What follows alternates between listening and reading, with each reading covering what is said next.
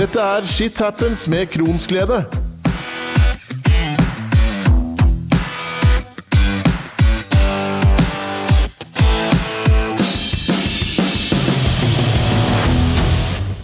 Å bli syk med mage- og tarmsykdom er som voksen ganske tøft i seg sjøl.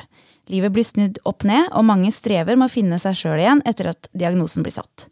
Det er mest vanlig å få IBD i alderen 15 til 30 år, men det er jo ingen fasit. I prinsippet så kan man få IBD uansett alder. Og jeg har i en tidligere episode snakka om det å få diagnosen seint i livet, så i dag er turen kommet til å snakke om barn, både de som får IBD, men også i tillegg ender med stomi, eller utlagt tarm, som det også heter. Forskjellen på om du får diagnosen som ungdom eller ung voksen eller som barn, kan jo muligens være ganske store. Spesielt fordi barna er avhengig av en god oppfølging av foreldrene sine på en helt annen måte enn en 17-åring eller som voksen. Så i dag skal vi få høre litt om hvordan det er å være forelder til et barn med IBD og stomi. Både fra forelderens side, men også høre fra en stomisykepleier om hvilke utfordringer de barna har, og hvordan de følges opp. Med meg da har jeg Hanne Ambrose, som er sykepleier, og Jan Kjensli, som er forelder til barn med IBD. Velkommen til dere. Takk. Takk. Før vi starter, kan ikke dere introdusere dere sjøl litt? Hanne, la oss starte med deg. Hvem er du? Ja, Jeg heter Hanne Ambrose. Jeg er gift og har to ganske store barn. Jeg har eh, siden 98 jobbet på Rikshospitalet og OUS og jobbet med barnekirurgiske barn.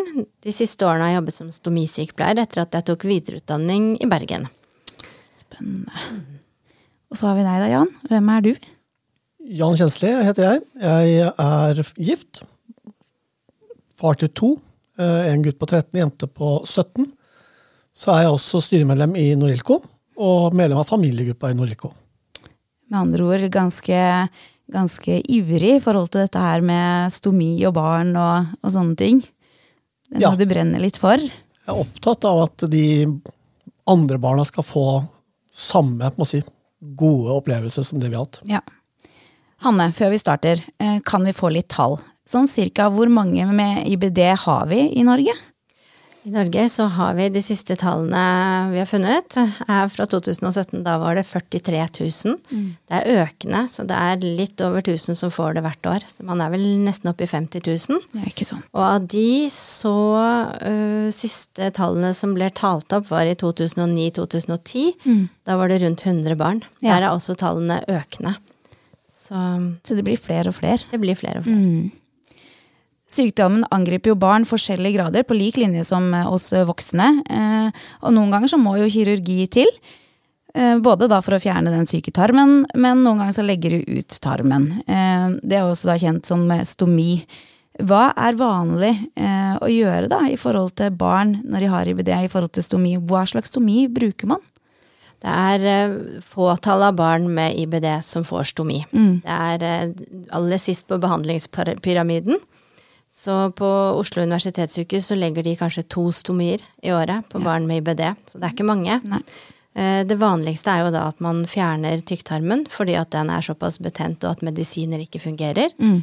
Og da får man en iliostomi, ja. som er en tynntarmstomi. Og nå som vi da har fått litt tall eh, fra Hanne, så vil jeg gjerne høre historien deres, jeg, Jan. Eh, men først vil jeg bare minne om at dette her er jo én historie. Vi skal få høre nå at det fins like mange historier som det fins pasienter.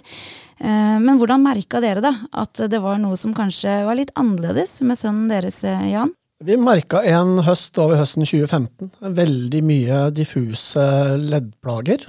Um, han kunne våkne en morgen med vondt i ankelen, måtte bæres fra soverommet inn på badet. Ble levert på skolen med krykker. Um, og ble henta på ettermiddagen spillende ball i ballbingen. Så det, det gikk over veldig fort. og sånn, Så flytta det seg fra ankel til kne til håndledd. Så han holdt det på en halvt års tid mens vi var under utredning på Rikshospitalet for um, egentlig revmatisme. Mm. Helt til det en dag eh, var at han vekte meg midt på natta, og da var doen full av blod. Ja. Ganske uh, lite normal altså Det er jo ikke helt sånn det pleier å starte, da. Dette med leddsmerter og Eller er det kanskje mer vanlig hos barn? Uh, Hanne, vet du noe om det? Det vet jeg dessverre ikke. Nei? Det jeg vet, er at når barn får det i såpass ung alder som din sønn fikk, så så er det ofte mer utviklet. At det er på en Ja. måte hele tykktarmen som er eh, betent. Ikke bare deler, sånn som det ofte er hos voksne. til å begynne med. Ja, videre, hva skjedde så? Ja, altså Han vekte meg på natta. Eh, doen full av do. Eh, Han hadde ro Blodet mitt var rart, sa han. Ja. Ja, Det var ikke, kanskje ikke så rart, det var bare i do. Ja. Hadde ikke noe vondt, gikk og la seg. Eh, Vekte den igjen på morgenen, skulle på skolen. Eh, Sendte den på skolen. Eh, Gikk veldig greit, eh, store skoledagen, men måtte bli henta av eh, besteforeldre. Jeg var på jobb. Kona var på reise. Så skulle han på overnattingsbursdag, det ville han jo veldig gjerne på. Så han begynte på bursdagen, men så måtte jeg bare ta han til lege for å sjekke at dette her var greit, så at ikke vi overlot han til noen foreldre at det er sykt barn, at de er noen nesten ukjente foreldre. Men uh, vi kom ikke tilbake fra sykehuset. Nei. Da fikk vi beskjed fra legen da på, på sykehuset at det her er enten Crohns eller ulcerøs kolitt. Og så var vi vel der nesten en ukes tid før vi kom hjem igjen. Og så starta jo en lang rekke med si, undersøkelser eh, med kameraer opp her og der. Alt mulig av medisiner. Tror vi har prøvd alt Ja. som kan prøves. Åssen var det å være foreldre oppi dette her, da? skal vi si, eh, man blir jo litt bekymra, og så blir man jo veldig glad når en medisin funker.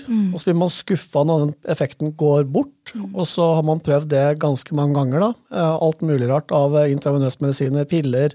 Men mest bekymra egentlig de gangene han måtte ha blodoverføring for at det var dårlige verdier. Vi holdt på å ikke kunne reise på en sydentur som vi har gleda oss til. Vi hadde, det var kanskje andre sydenturen vi hadde hatt hele familien.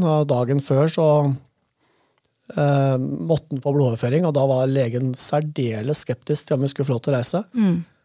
Jeg tror det som gjorde at vi fikk lov til å reise, var at vi hadde logga alt av eh, symptomer og ting i alle dager før det, pluss at kona er sykepleier. Så vi fikk lov til å reise, men det var på nåde. Det, det er jo beintøft. Eh, og en må jo, jeg tenker sånn, å stå ved siden av eh, Nå har jo jeg sjøl kunnet oppleve disse her undersøkelsene vi må gjennom på min egen kropp. Jeg har jo ikke sett barn gjøre det, eller vært med på å se andre gjøre det. Men eh, hvordan har det vært for dere? Egentlig ganske greit. Altså, han sønnen vår er jo roligheten selv. Han er ikke, har ikke legeskrekk, ikke sykehusskrekk, ikke sprøyteskrekk. Så egentlig sånn sett veldig deilig at han er så rolig. Men klart, jeg syns ikke det er noe stas å være med inn når barn legges i narkose. narkose. Det går så fort, og så er de plutselig så sover de og er helt borte. Så akkurat det syns ikke jeg noe om. Nei. Men han er jo så beintøff, så da må jeg bare være beintøff. Du må rett og slett bare finne en styrke i seg sjøl, rett og slett. Ja. Så har han en kul greie. Det er, eh, Hvis det er pappa som er med inn når han sovner, så er det mamma som skal være der og våkner. og Ja. omvendt. da. Så det er alltid annenhver gang, og vi bor jo såpass nærme sykehus, så det er alltid mamma så Hvis mamma har måttet sove på sykehuset en natt, så er det pappa neste natt. Ja. Så er det omvendt hele tida. Og det er jo en fordel for hun som er hjemme, da. med Storesøster. Altså hun, hun er på en måte ikke da en periode hvor enten mamma er borte lenge eller pappa er borte lenge. Hun ser begge foreldrene sine stort sett hver eneste dag, selv om han har vært innlagt. For det, det må jo sies at uh, å være søsken til et sykt barn, det er jo heller ikke en spøk. Uh, og det kan nok eh, oppleves som ganske tøft for den som står ved sida. Jeg jeg har vært, hatt en syk søster sjøl, så jeg husker sjøl at jeg ønska jeg kunne være syk. Da var jeg åtte år, da. Så jeg skjønte ikke helt rekkevidden av det da. Men, men en jo En ser jo gjerne at det barnet får veldig mye oppmerksomhet. Eh, og så kan sjøl føle at en, blir litt fort glemt. Så det virker jo som at dere har funnet en veldig god, god greie der som har fungert godt for dere alle sammen. Ja, da er det egentlig sønnen som har lagt til rette for det, da. At hun har fått oppmerksomhet. Um, og det syns jeg er veldig fint. Um, og også det at jeg og kona også får dele på å være med han, da. Ja. Uh, det gjør jo at vi begge to er godt informert om hva som skjer, og ikke må hele tida prøve å gjenfortelle to-tre dager hva har skjedd. Vi er godt informert. Og vi opprettholder på en måte de bindingene som er i familien. Da. Og så er det jo dette her med eh, når, når dere har vært, når sønnen deres har vært mye på sykehus, så kommer det et spørsmål etter hvert i forhold til skole. Hvordan har det vært for dere når han var mye syk? Følte dere ble godt fulgt opp der? Nå skal det sies at han har knapt hatt skolefravær pga. sykdom. Det stort sett det eneste han har hatt av fravær, er når vi har vært på planlagte besøk på sykehuset. Så han har nok vært ganske heldig, eller vært steintøff. Men klart, Vi har hatt perioder hvor vi har hatt, eh, om det er omsorgslønn eller hva det heter, hvor vi har måttet kjøre han til skolen og, og, og levere han og hente han, fordi det er ikke praktisk mulig å gå til skolen. Nei. Men han har stort sett vært på skolen. Den store utfordringa er jo det at når man ikke kan hvis vi gå hjem med kameratene hjem fra skolen, det er der man gjerne avtaler hva er som skjer Ja. på ettermiddagen, og det har jo ikke han vært en del av. Men der har vi heldigvis vært redda at vi har en kjellerstue, som ikke alle andre har, så det har vært et samlingspunkt eh, på boligfeltet der jeg bor. Så at han har jo ikke vært kall det sosialt ekskludert i en periode. Folk har kommet til oss, selv om han ikke har vært en del av hjemveien. Da. Og der er har vi nok vært veldig, veldig heldige, da. For det er klart, det er jo ekstra tøft, da. Om en i tillegg til å ikke være frisk, skal miste på en måte den sosiale biten i tillegg. For det er kanskje ekstra viktig når en er i en, en så sårbar eh, fase. Men hvordan var dette her, da? Når det har vært, du- han har vært syk over lang tid, medisiner virker ikke. Eh, veien videre derifra? Jeg regner med dere var mye inn og ut av sykehus på kontroller. Eh, ja, hva skjedde videre? Følte vel en periode at vi var én dag på sykehuset nærmest hver uke. Ja. Um, og man lurer jo på hvor dette her skal ende hen, da. Når, når måte, ting først funker, slutter å funke, man prøver alt. Altså selv sånn tolv uker med sånn næringsdrikk uten flytende, eller uten fast føde, med 17. mai inni der, det er kjempestas. Så man blir jo usikker. Så man vis, visste jo på en måte at stomi eller pose på magen var jo på en måte i enden der et eller annet sted, kanskje. Men det var ikke nevnt til dere tidlig Nei, det var ikke nevnt Nå gikk det jo på en måte to år da fra symptomene, eller i underkant av to år fra de symptomene starta til han fikk stomi, men det ble ikke nevnt før kanskje en fire-fem måneder før at det kan bli utfallet. Tenker du det er greit? Ja, altså for vår del så var det egentlig helt greit. Ja. man lever jo på en måte litt i håp om at man skal unngå det. Ja. Eh, så, men man visste jo at det var der ute. Men jeg, jeg, jeg brukte ikke noe tid på å finne ut uh, noe mer av det, egentlig. Nei. Videre da, så er det jo da eh, Nærmer det seg, han blir ikke bedre. Eh, og jeg skjønte at eh, dere rett før jul fikk beskjed om at ting kanskje allikevel tok eh, veien mot stomi. Ja, Det var vel i november, slutten av november Ja. eh, de konkluderte på, på sykehuset at eh, det her går ikke noe lenger. Mm. Det her, her må det bli stomi. Vi var vel da på Rikshospitalet i desember en gang, like før jul, hvor det ble satt en operasjonsdato som jeg tror var 4. eller 5. januar. Mm. Så um, jeg husker det var ikke noe sånn superjul og supernyttår. Det å ønske hverandre god jul, det var ikke noe vits i, for det var ikke noe god jul, for han Mm. Nei. Mm. skulle jo få utlagt tarm. Ikke noe vits i å ønske godt nyttår, for det, det nye året starta med operasjon. Mm. Så um, var jo en kjip høytid på Ja. mange måter. Men um, ja, så måtte det bare bli. Hvordan takla han det? Dette her, og så Fortalte dere det til han da? Ja, ja. Ja. Han har vært med hele veien. Så, og det må jeg si, det som jeg har lagt merke til på, um, på egentlig begge sykehusene jeg har vært på, de som jobber med barn, er utrolig flinke til å snakke til barnet. Og de har sett på meg og kona for å få bekreftelse på at det han sier er korrekt, eventuelt for å se på oss om det er noe vi har å tilføye. Så han har vært veldig godt ivaretatt og på en måte informert. Da. Det er han de har snakka til. Så, så husker jeg vi fikk utlevert en sånn Kall det en barnebok på Rikshospitalet med litt om stomi, som han satt og bladde litt i. Var ikke veldig interessert. Nei. fikk vel også jeg husker, Mulig jeg husker feil, altså, men jeg tror han også fikk med seg en liten sånn bamse med noe semi på. på. Og så var det en liten samtale på Rikshospitalet før operasjonen. Og så kommer dagen, da, hvor eh, først har dere gått, gått igjennom en jul som har vært ganske tøft for dere alle, og så kommer dagen hvor, hvor stomien skal på en måte eh, på plass. Hvordan, hvordan var følelsene dine og kona din sist da? Å, jeg var spent. Ja, jeg er, Én ting er liksom narkose pga. av en sånn skopiundersøkelse med, med kameraer som tar ganske kort tid, men du visste jo at en operasjon her kom til å ta lang tid. Ja. Og så to ting som kanskje redda det. Det ene er den kirurgen som kom inn kvelden før, og som satte seg ned med, med sønnen vår en halvtime, 40 minutter og tegna og forklarte i en barnebok om stomi hva han skulle gjøre. Det gjorde iallfall meg roligere, eh, at han eh, viste seg. Og så ble vi nok også redda av at uh, den pasienten som var før sønnen vår på operasjonsprogrammet, ble strøket. Sånn at han blei bokstavelig talt tatt på senga klokka Ja. åtte om morgenen. Ja. Um, så han rakk ikke å grue seg så mye før han våkna. Det var nok det, på en måte, det positivt da, med en strykning på operasjonsprogrammet. Ja, for det er klart at de timene der han sitter og venter på noe, er jo tøft både for han og for dere. Så det, og ikke for på en måte En vet jo hva som skal skje, eh, og selv om han er et barn, så er det jo åh, De skjønner så mye mer enn det vi eh, tror. De fem timene det tok, tror jeg det var lange Ja. fem timer. Å, fy søren. Og, og dere fikk ikke noe informasjon underveis da, eller åssen var det? Nei, men det får man ikke heller. Og det, og det, det, det gjorde greit. ikke noe. Men Nei. klart, du, du går og ser på klokka Mm. Og vet at det var estimert en tid. Begynner å lure på skal de ikke snart ringe og si at man kan komme på oppvåkninga.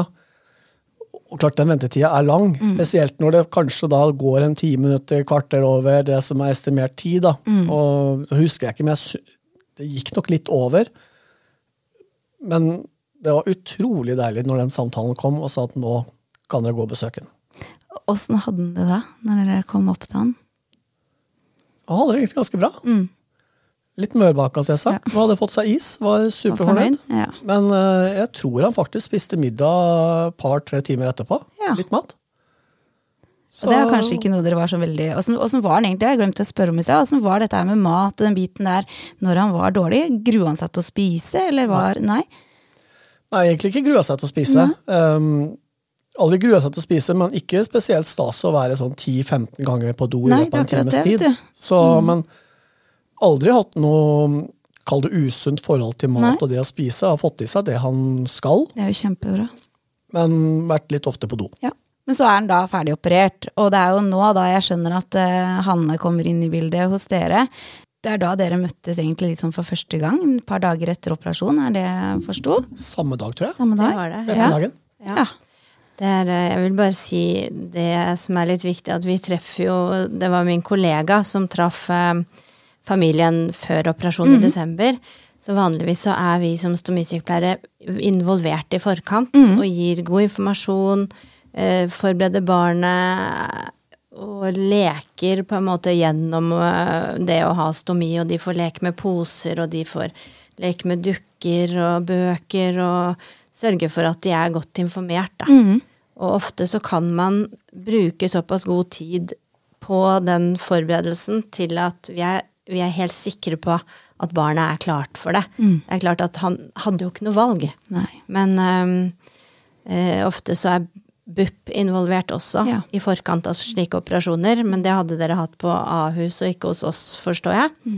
Eh, sånn at vi, um, vi forbereder de godt i forkant, og så gjør vi det ofte sånn at det er samme sykepleier som treffer barnet før og etter. Men Og hvor viktig er det, mener du? Altså, denne gangen så gikk det jo fint, da. Mm. Men da tilstreber jo vi at det er mm, meg som følger videre.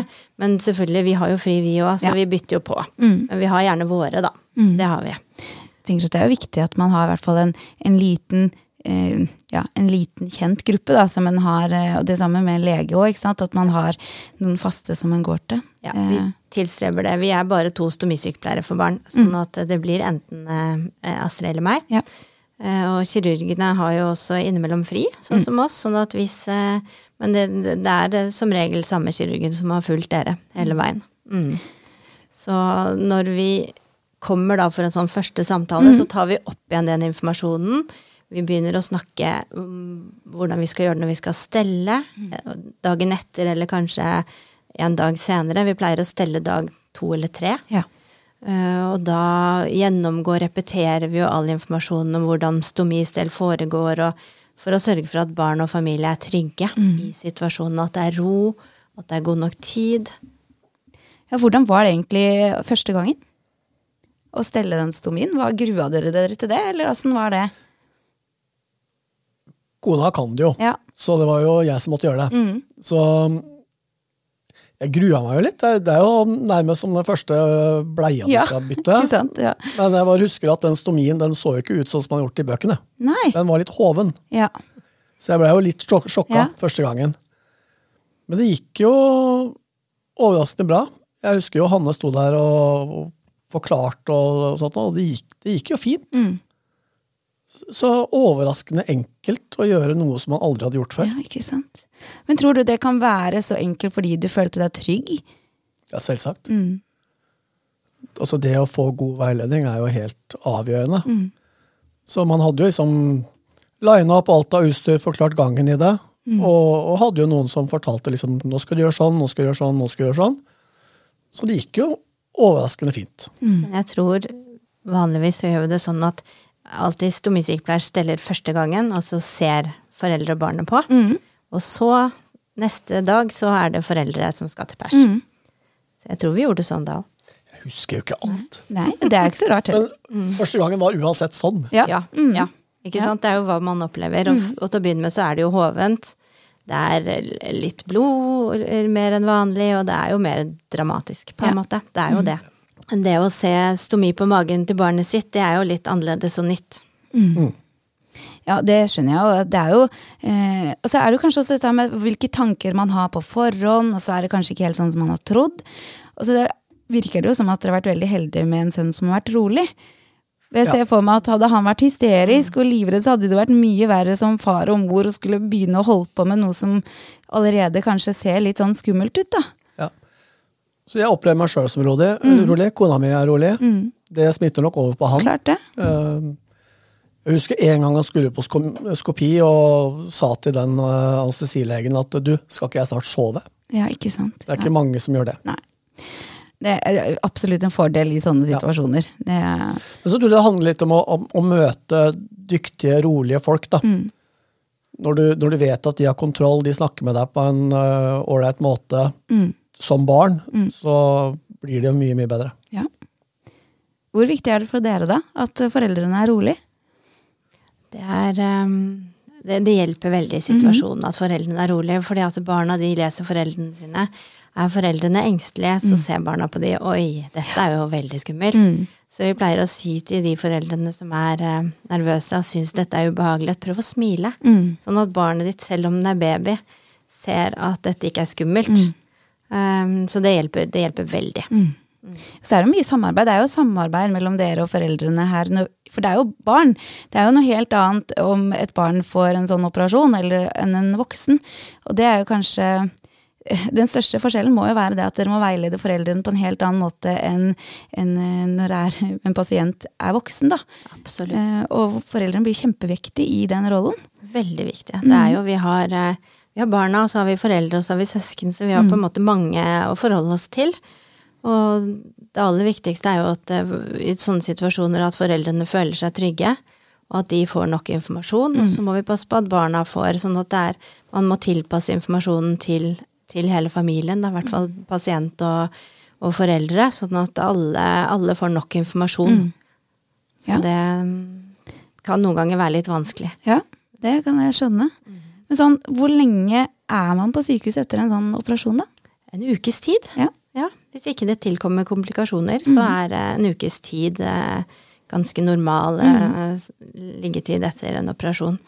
På voksne så blir man jo ofte sparket ut raskere, Ja. men vi er veldig opptatt på at foreldre og barn skal føle seg trygge før de reiser hjem. Sånn at de mestrer stomistell. De skal gjerne ha gjort det selv to ganger, i hvert fall før de reiser hjem. Og vi har ingen krav på at barn skal gjøre det selv, men at foreldrene eh, får til mm. føler seg trygge nok til å reise hjem. Og så er vi veldig tilgjengelige Ja. som stomisykepleiere på telefonen. Jan, kan ikke du fortelle om hvordan det var å komme hjem fra sykehuset eh, med en nyoperert sønn? Det var jo litt spesielt. Det var en helt ny hverdag. Badet skulle rigges, rigges litt med et utstyr som uh, vi hadde fått. Men jeg kan ikke huske at det var noen sånne store greier. Men etablere litt nye rutiner da, for stomistell og, og sånt. Men um, det gikk ganske greit. Og da tenker jeg sånn generelt, eh, Hanne, åssen har eh, overgangen, altså overfor familier, da, hvordan er den overgangen fra å ikke ha stomi til stomi? Er det noe folk takler relativt greit? Det syns jeg de gjør. Vi har, de fleste hos oss er nyfødte og får stomi. Midlertidig stomi. Det går også veldig fint. Um, ellers med større barn så går det ofte fra, som Jan har sagt tidligere i dag, at man har eh, Årsaken til at de får stomi, er gjerne en, en, tarmsykdom eller inkontinens eller hyppig avføring, obstipasjon, eh, og da er eh, alternativet mye verre. Ja. Så det å få en stomi er som regel en lettelse Ja. for veldig mange. Med mindre det, altså spesielt i disse tilfellene, da. Jan, da, akkurat i forhold til det så sa du noe fint til meg i går. Vi hadde en samtale på telefonen i går. Eh, Kan ikke du fortelle litt om, om akkurat det du sa til meg da? Eh, om dette her med eh, hvordan det er å ha eh, leve med stomi, da. Eh, skjønner du hvor jeg vil hen? Ja, i forhold til at stomi kanskje er noe negativt. Um, ja. Altså, ja, det er jo Det å få det er jo på en måte en nedtur. Men så må man også se på hvilket utgangspunkt man har. da. Hvis man sammenligner med en helt frisk person, så er det klart det er en stor nedtur. Men i forhold til en som ikke kunne gå til vennene sine, ikke kunne gå på skolen sammen med vennene sine, det å ikke kunne delta på trening, til å få stomi og kunne delta med venner på alt aktiviteter og egentlig leve et helt normalt liv. Da. Det eneste som skiller, er hvordan man går på do. Ja. Så er det jo faktisk en enorm økning av livskvaliteten. Mm. Det er, man blir på en måte normal igjen. Da. Ja. Ja, og da tenker jeg at eh, stomien kan jo faktisk være med på å gi litt tilbake livet, på en måte. Eh, til, de, til de som har virkelig satt livet på vent over lang tid. Med mye, mye doflying og for noen smerter. Jeg hørte du sa at han ikke hadde så mye smerter. Nei, veldig lite, iallfall som han klagde over. Ja. Så kan det jo være at det er en smerteterskel som er eh, litt høy. Det har vært veldig lite smerte, men ting har jo også gått veldig fort. Ja. Men jeg har også hørt at veldig mange av de som vi har møtt på sykehusene, mener at han burde hatt smerter. De har liksom sagt oi, du må ha hatt mye vondt, men det har ikke vært mye av det. Nei. Heldigvis, da. Ja, ja, for all del. Eh, for dere og din familie så har eh, Norilco betydd eh, veldig mye. Eh, fortell litt om det. Et halvt år etter operasjonen så var vi på vår første samling. Og det å kunne møte andre familier i samme situasjon, utveksle erfaringer oss foreldre imellom, kjempenyttig for oss foreldre. Men det at sønnen vår fikk møte andre barn som også hadde stomi, det å se andre barn som var på å si like, bade sammen, være i dusjen sammen, og så egentlig normalisere hele greia, Det har vært utrolig viktig, for det er ikke så veldig mange barn som har det. Så man er jo litt på en måte litt annerledes. Så, så det å møte andre har vært kjempeviktig, og det er også litt av grunnen til at jeg har på en måte engasjert meg i den foreningen, for å på en måte gi andre barn, andre familier, kanskje samme mulighet. Mm. og Hanne, hvor viktig er deres samarbeid med eh, pasientorganisasjoner? Det er jo viktig, men eh, det har ikke vært veldig mye samarbeid. Vi har hatt eh, selvfølgelig deltatt på noen samlinger, hatt litt undervisning. Eh, Vi har nok en periode nå vært litt dårlige til å informere om det, men nå, alle jeg treffer med stomi, informerer jeg om Norilco og forteller at det er veldig, veldig nyttig og hyggelig for barna å treffe andre. Så har vi noen som har hatt stomi i noen år, hvor foreldrene er medlem, men de har aldri deltatt på noen samlinger. Og da prøver jeg å si at det kanskje nå som barnet ditt er blitt litt større, så vil det være hyggelig for barnet ditt å treffe noen andre som har stomi. Og da tror jeg de forstår det. Ja, for det én ting er den der informasjonen fra lege eller sykepleier til pasient eller forelder. Men den der fra kroniker til kroniker eller forelder til forelder, den er jo uvurderlig. Eh, kjempeviktig. Før vi avslutter, da, så har jeg lyst til å anbefale noe som sønnen din Jan selv har skrevet om livet sitt med stomi, og det å dra på leirskolen. Det er noe som har blitt delt på Norilco i januar 2021. eh, Og det kommer jeg til å legge ved link til eh, i forhold til når jeg legger ut dette her. For det er jo en historie hvor han forteller om opplevelsen sin rundt dette her å dra, egentlig, selv om han grua seg litt. Eh, og hvordan det gikk. Og jeg må jo si at fy søren, for en utrolig tøff gutt dere har. Eh, jeg fikk gåsehud da jeg leste måten han takla det på, eh, og måten han eh, i ettertid bare var litt sånn at nå er jeg klar for å gjøre mer aleine. Du har jo motivert den til å kunne håndtere det sjøl, være selvhjulpen, sånn at han kan faktisk leve det livet han ønsker å leve, uten at vi må være i nærheten. Og åssen har han det nå, da? Helt strålende. Er fantastisk. Hanne, dette må jo være sånne historier da, som dere gjør at eh, både dere blir ekstra glade og ekstra stolte over den jobben dere gjør òg. Det er jo eh, lykkelige historier. Veldig hyggelig, og det er veldig hyggelig å se han når jeg treffer han. Og at han er blitt så stor og flink gutt. Altså, det, er, det er veldig koselig, og det er jo det som gjør jobben morsom og spennende. Må bare få si det at Vi har jo kanskje ikke hatt så mye kontakt før operasjonen, men vi har jo hatt litt etterpå. Når det viser seg at noe utstyr slutter å funke, hva gjør vi da? Tips og triks. Så, så der har det kanskje vært mer kontakt enn før, når det oppstår problemer, og, og få hjelp til det. Og det har vært utrolig nyttig. Ja, da er kanskje den, den der følelsen av å ikke være til bry viktig, da. At de er tilgjengelige, som du sier, og at du, eh, ja, at du er der med tips og råd og kan være, være en støtte. Absolutt. De er veldig tilgjengelige, så det har vært kjempebra. Ja, det er jo kjempegodt å høre.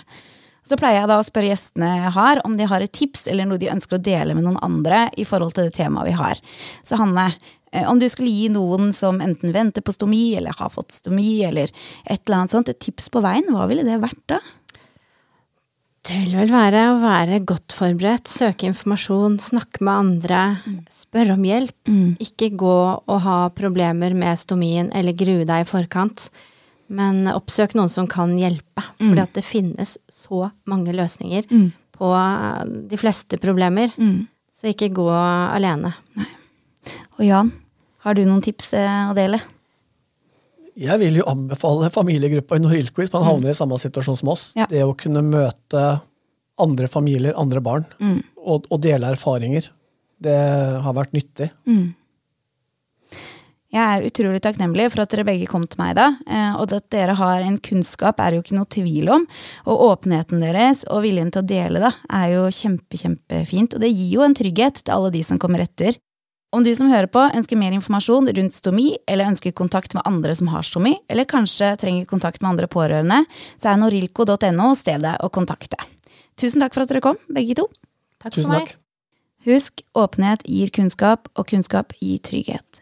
Om du som hører på nå har spørsmål om dagens episode, har tips til tema eller ønsker eh, til gjester, så send meg gjerne en mail på kronsglede, alfakrølloutlook.com.